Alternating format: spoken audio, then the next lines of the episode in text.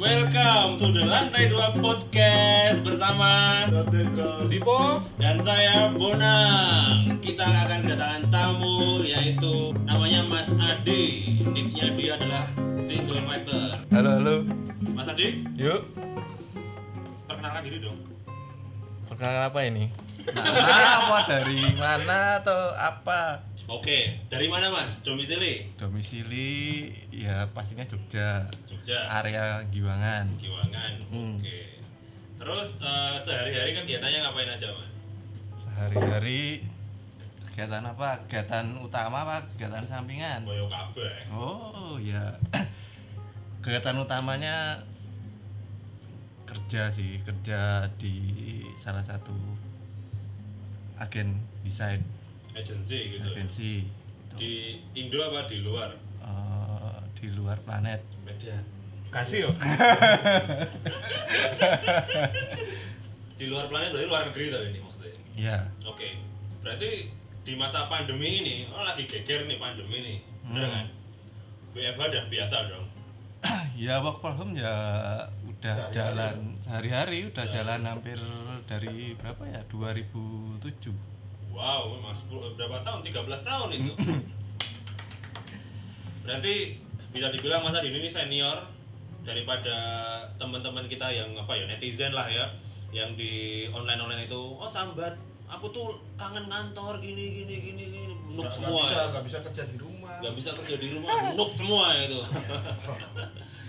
terus eh, selama pandemi ini kegiatan ngapain aja mas selain berdesain desainer ya masih lancar ya kalau kalau pandemi corona kan memang apa ya memang polemik global ya. Jadi ya meskipun work from home ya tetap ad, tetap aja ada apa ada efeknya gitu. Kayak klien-klien yang reguler juga kalau reguler masih ada beberapa yang tetap. Cuman ya kalau yang lain ya tetap banyak yang cancel juga. Sama aja sama ya banyak juga sama teman-teman desainer lain juga kayak gitu juga sih tapi rata-rata yang dikerjain itu nerima project atau bikin desain ditempelnya marketplace gitu. Kalau kerja ya otomatis sudah ada ininya ya udah ada proyeknya gitu ya. Udah ada list kerjaannya kalau di kantor untuk kantor. Kalau yang lainnya ya by order juga Hmm. terus by marketplace juga ada juga sih. Ya kalau mau cari sampingan ya marketplace lah cuman ya sekarang juga desainer desainer yang sekarang tuh juga lebih apa ya lebih baratnya lebih produktif juga sih. Mereka juga main marketplace-nya ya informasi yang didapatnya juga lebih gampang daripada tahun-tahun 2006 2007 itu masih susah sih. Kalau sekarang udah banyak yang open udah banyak yang sharing udah banyak yang mau kolaborasi Hmm. jadi lebih enak sekarang. Apa mis informasinya tuh lebih gi- gimana antara 10 tahun yang lalu dari sama sekarang? Ya kalau dulu kan eh, apa namanya untuk cari market ibaratnya klien luar tuh masih susah. Jadi kayak ibaratnya kalau jawabannya ya didelik-delik lah gitu loh. Hmm. kalau sekarang informasi kayak apa media sosial udah ya udah gampang lah ya kan Instagram dan segala macem.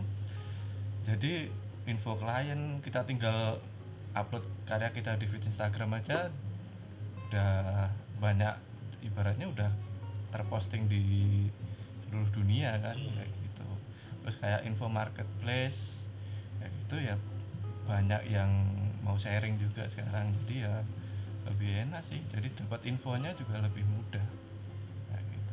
Sharing-sharing sekarang yang bikin tutorial-tutorial juga udah banyak banget. Mas Adi ikutan bikin tutorial konten sendiri gitu kalau saya sendiri belum sih. Dulu Heeh, karena ya ada apa nama sampingan ngurusin bisnis kopi juga. Wela di mana tuh? Di Giwangan juga. Giwangan dekat Ah, rumah dong. dekat rumah. Mas masnya nama coffee shopnya apa? Atau warungnya? Boleh kok sekalian promosi di sini. Jadi yang udah subscribe sekitar 5 juta. Etian. Eh dia kalau kop- kopi di apa di bisnis sampingan sih namanya well kopi susu itu lebih ke take away sih jadi eh, eh, kayak ya ya cepat saji jadi bukan kayak coffee shop Yang kebanyakan gitu kan gitu. nah, Harus enggak diolah dulu gitu iya ya. jadi itu udah cepat saja aja tinggal Iya. tinggal biar biar apa ya ya biar yang pas yang pesen nggak kelamaan nunggunya ya fast bar Yes. fast bar tuh kalau di dunia coffee shop Iya. berarti itu konsep cepat saji di coffee shop itu konsep di Jepang gitu enggak sih sebenarnya Jepang kayak gimana? Eh, stolnya eh, tempatnya kecil terus take away only gitu gitu Jepang kayak gitu nggak sih Ya Jepang kayak gitu. Kenapa dia kecil-kecil ya karena harganya mahal tuh tempatnya. sewanya mahal juga ya. Karena per meter sana mahal banget bos. per meternya 100 cm persegi Per meter persegi. Per meter Itu lah. Sama kayak kita sewa di mall. oh Tapi sana lebih jauh lebih mahal. Dan emang iya sih living cost Jepang living costnya tuh sendiri tuh. Hmm. Makanya mereka lebih condongnya kecil-kecil cepat. balik lagi juga kalau ke Jepang kan kulturnya mereka fast moving pakai yang itu kan mesin itu kan Vending machine ya. vending mesin kebanyakan oh, emang dari sananya budayanya mereka nggak duduk Nongkrong. Cuma apa sebelum kerja butuh apa asupan kafein buat adrenalin rush gitu dan melek kalau Dan mereka juga, kan apa budaya di sana kan jalan kaki tuh, nggak ada yang naik motor. iya sih Ada sih yang naik motor, cuma kan kebanyakan jalan kaki. jalan kaki terus Karena apa? Transportasi semuanya sudah well prepare semua. iya sih kalau ngomongin Jogja pedestrian jalan kaki terus ada coffee shop di deket trotoar yang proper gitu jarang banget sih troto troto trotoarnya aja nggak proper kayak gitu di Jakarta juga jarang jarang sih.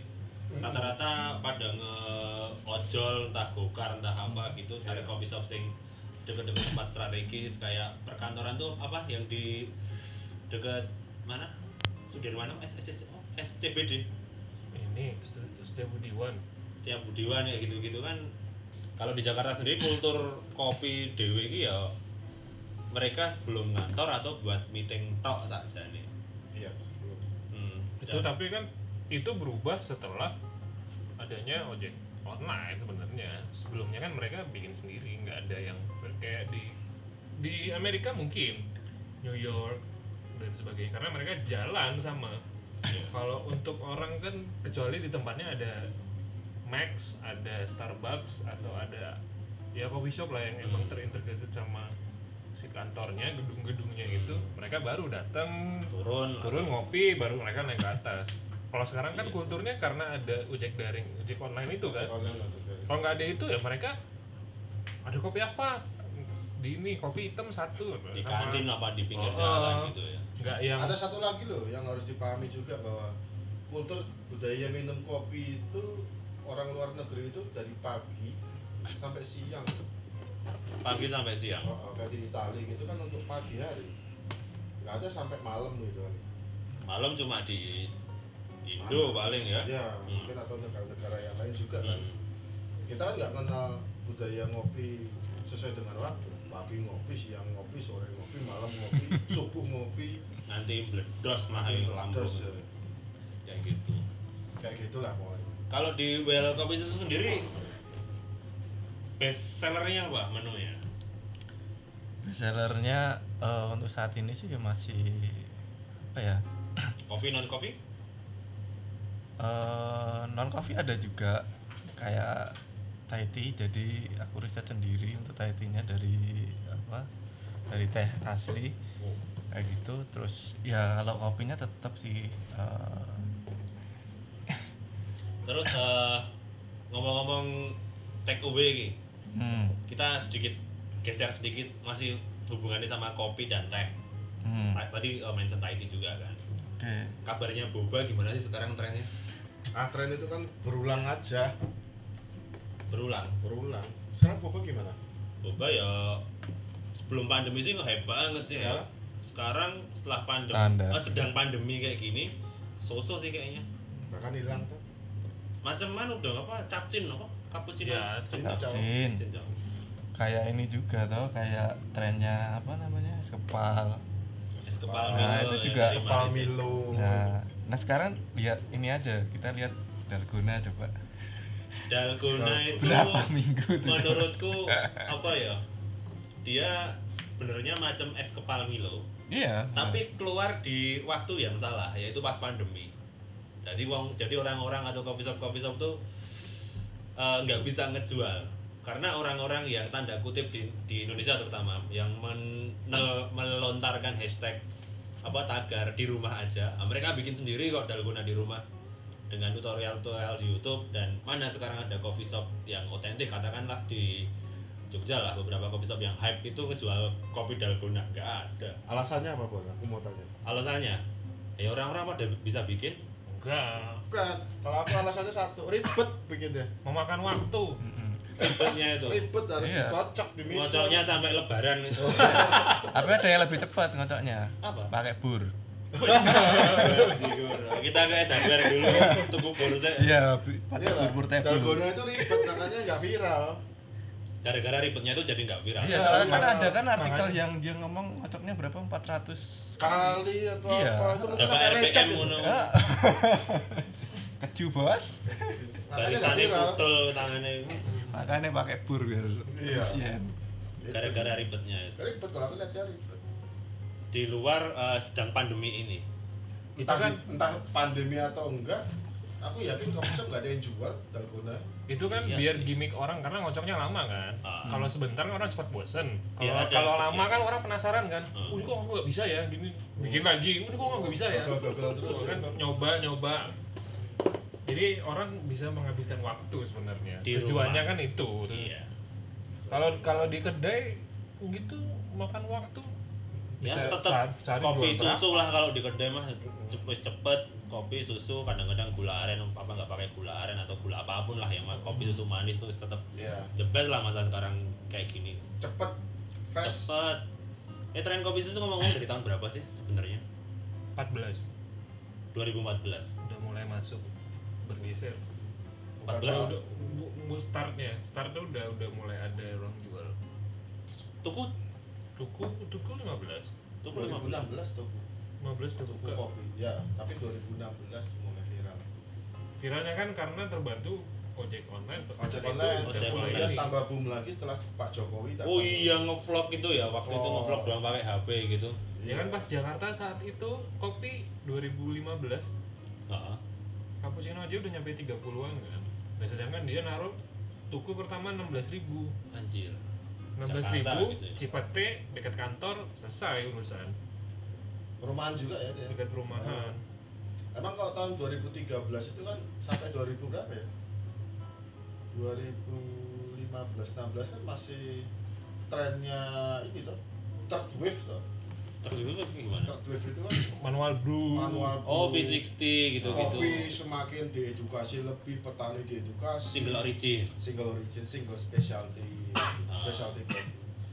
Terus mesin-mesin yang mahal-mahal banyak beredar, akhirnya apa harga kopi naik. Mesin tuh mesin mesin mesin Iya, mesin kopi. mesin, mesin, Mesin kopi, mesin espresso gitu.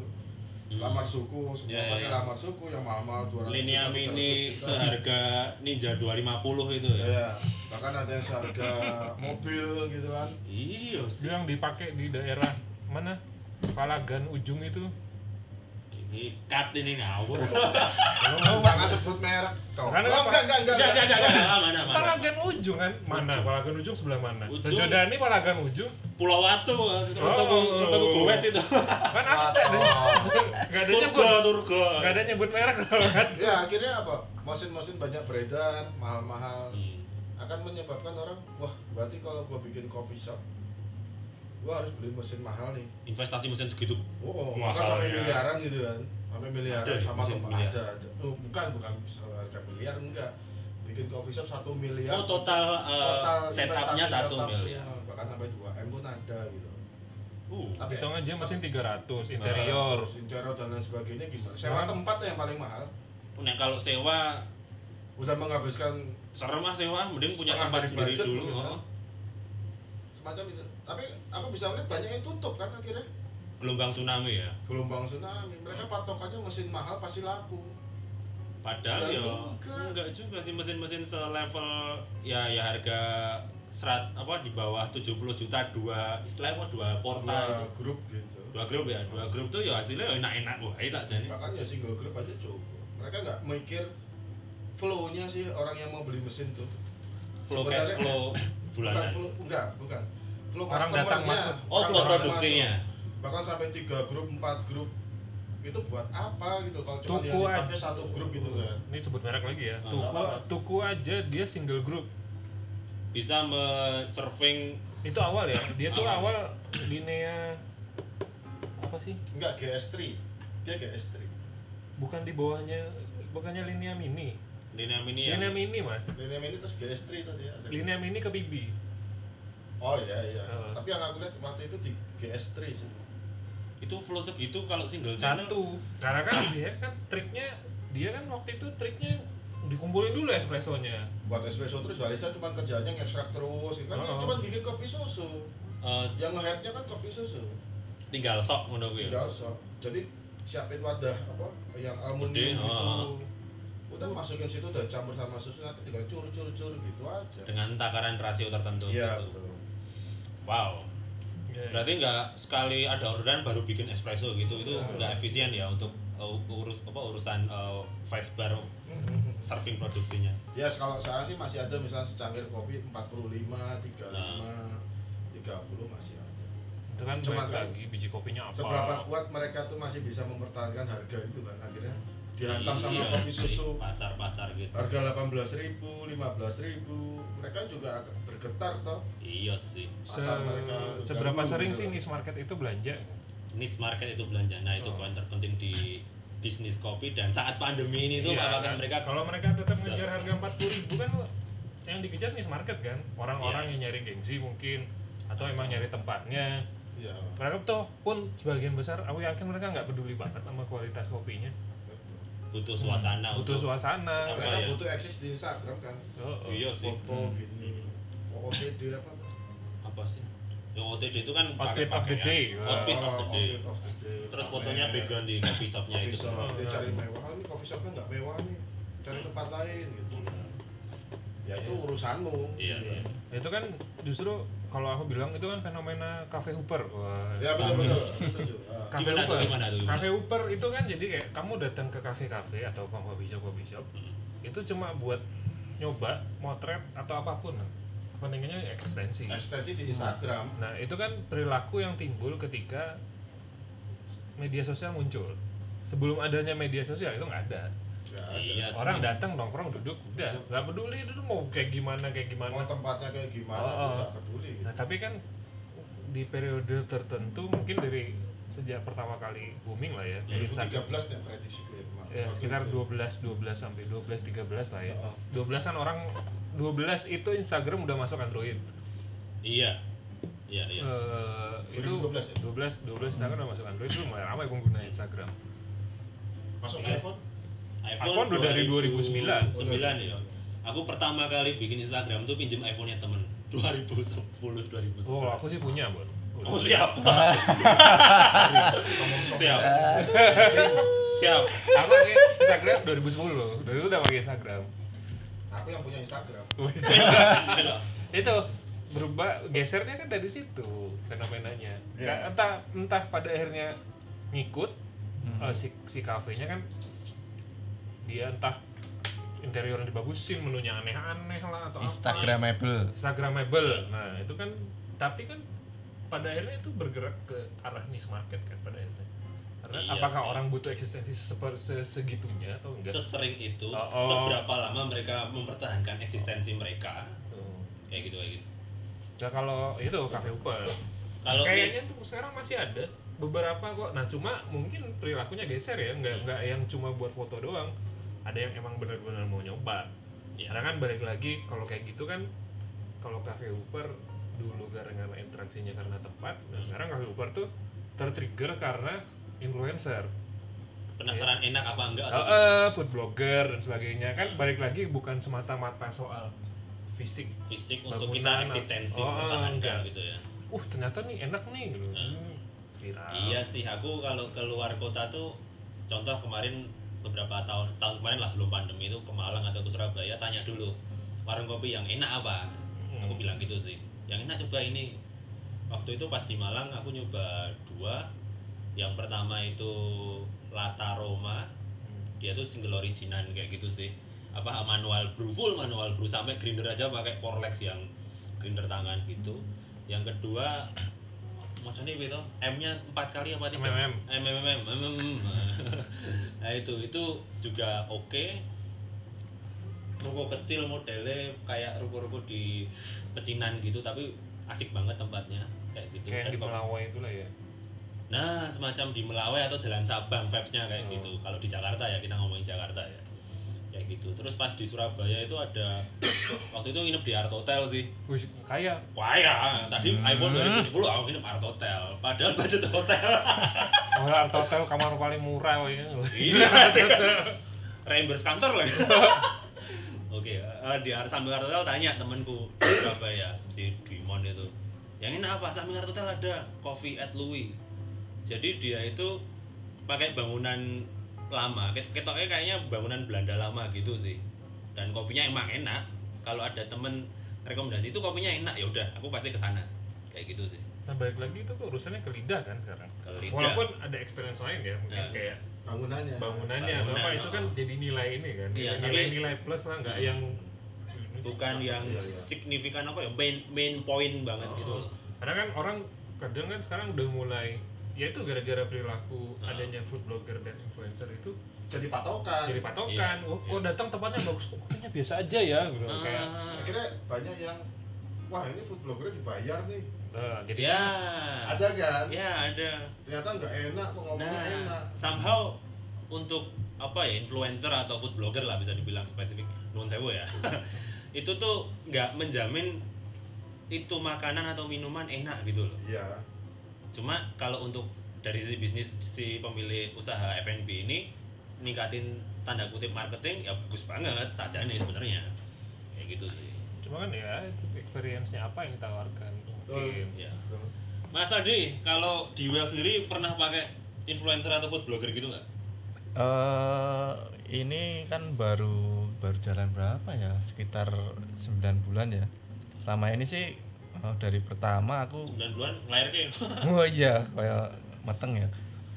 Terus? Ya belum. Aku belum mau memakai Jasa. jasa kayak foodgram karena eh, kak dari awal ya aku pengennya sih ngenalin kopinya si Well ini kopi susu ini ya bener-bener aku pengen fokusnya ke brand jadi kerasa gitu. Bukan ya memang saya cuma make kayak mini kontainer gitu. Cuman aku sih percaya sih kalau aku pede sama produkku ya nanti suatu saat pasti aku punya market buat Tersendiri. iya buat brand gitu kan karena Kalau ya, kata efek rumah kaca kan pasar bisa diciptakan. nah, Siap.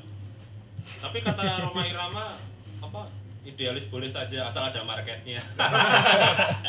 itu kemarin nemu meme bagus banget. Oh, meme bagus banget ngelesetin Roma Irama itu. Hmm. Lanjut Mas Adi.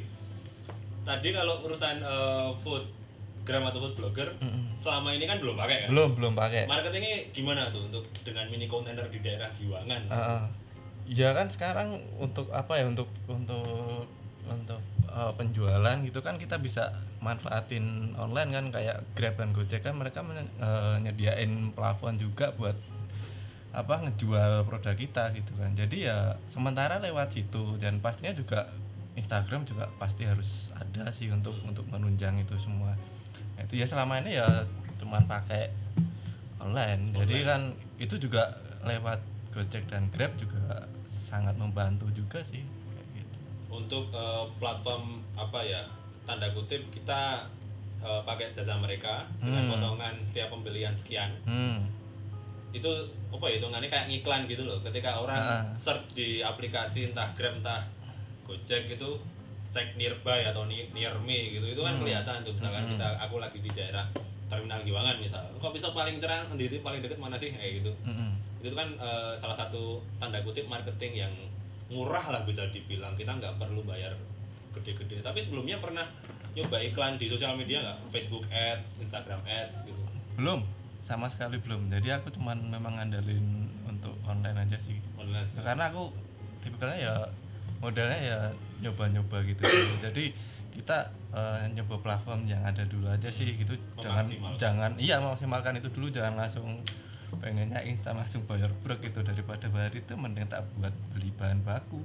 Iya kita sih. cari bikin resep yang terbaik terbaik gitu dan aja semua orang suka Iya. gitu ya. Ya yang namanya memulai usaha ya harus ibaratnya ya wani perih lah ibaratnya wani nice nice nice. Tapi eh, untuk well sendiri tadi ngomongin eh, segmen market nih. Hmm. daerah selatan tuh gimana? Jogja Selatan terutama. Jogja Selatan oke sih marketnya juga. Bagus juga. Bagus juga? Bagus. Harga nih harga jual harga jual berapa nih? Range-nya eh, kalau ya apa namanya? Range-nya tuh dari kopi susu 15.000 wow. Sampai yang paling mahal? Sampai yang paling mahal itu kita kan ada ukuran ini ya Oh, cups ya os dari 14 sampai 22 dua-dua gede banget. Ya gitu. ya sekitar ini nyampe ini tumbler.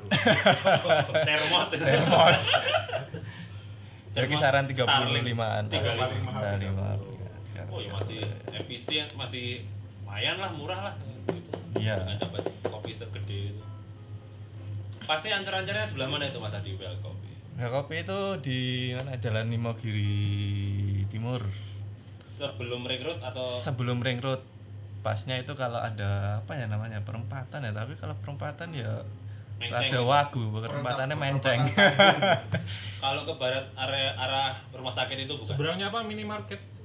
Eh, jadi tepatnya itu di kalau teman-teman tahu ya pasti tahu lah itu yang rumah makan Padang Giwangan yang legend itu. Nah itu yang di belokan itu. Ah itu ke selatan sedikit kurang lebih sekitar 100 meter nanti di barat jalan. Barat jalan oh, Mm-mm. nice. untuk instagramnya namanya apa tadi?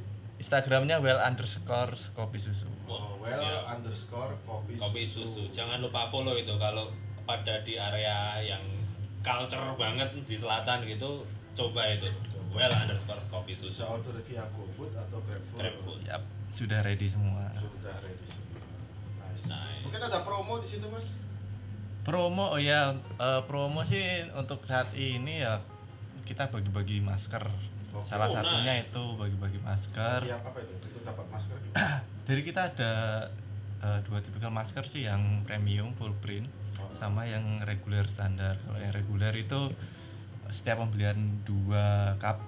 Oh, kalau yang cup. premium 4 cup itu berlaku kelipatan. Woi wow. udah kelipatan. Iya beli kelipatan. Jadi ya beli 8 ya tinggal milih mau premium semua atau mungkin di mix sama yang reguler bisa aja. Oh, nice. tinggal kasih note aja di ininya di di ojolnya iya di ojolnya tapi kalau kalau datang langsung ke sana juga dapat? Sama aja Sama dapat aja ya? juga dapat juga Oke. di sana.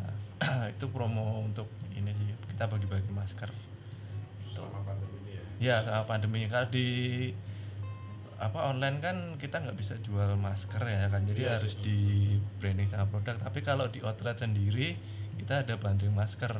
Oh, jadi jual langsung. masker juga eh, per pack gitu modelnya. Dan itu kita jual masker itu tujuannya adalah eh, 100% keuntungan penjualan buat donasi sih. Disumbangkan.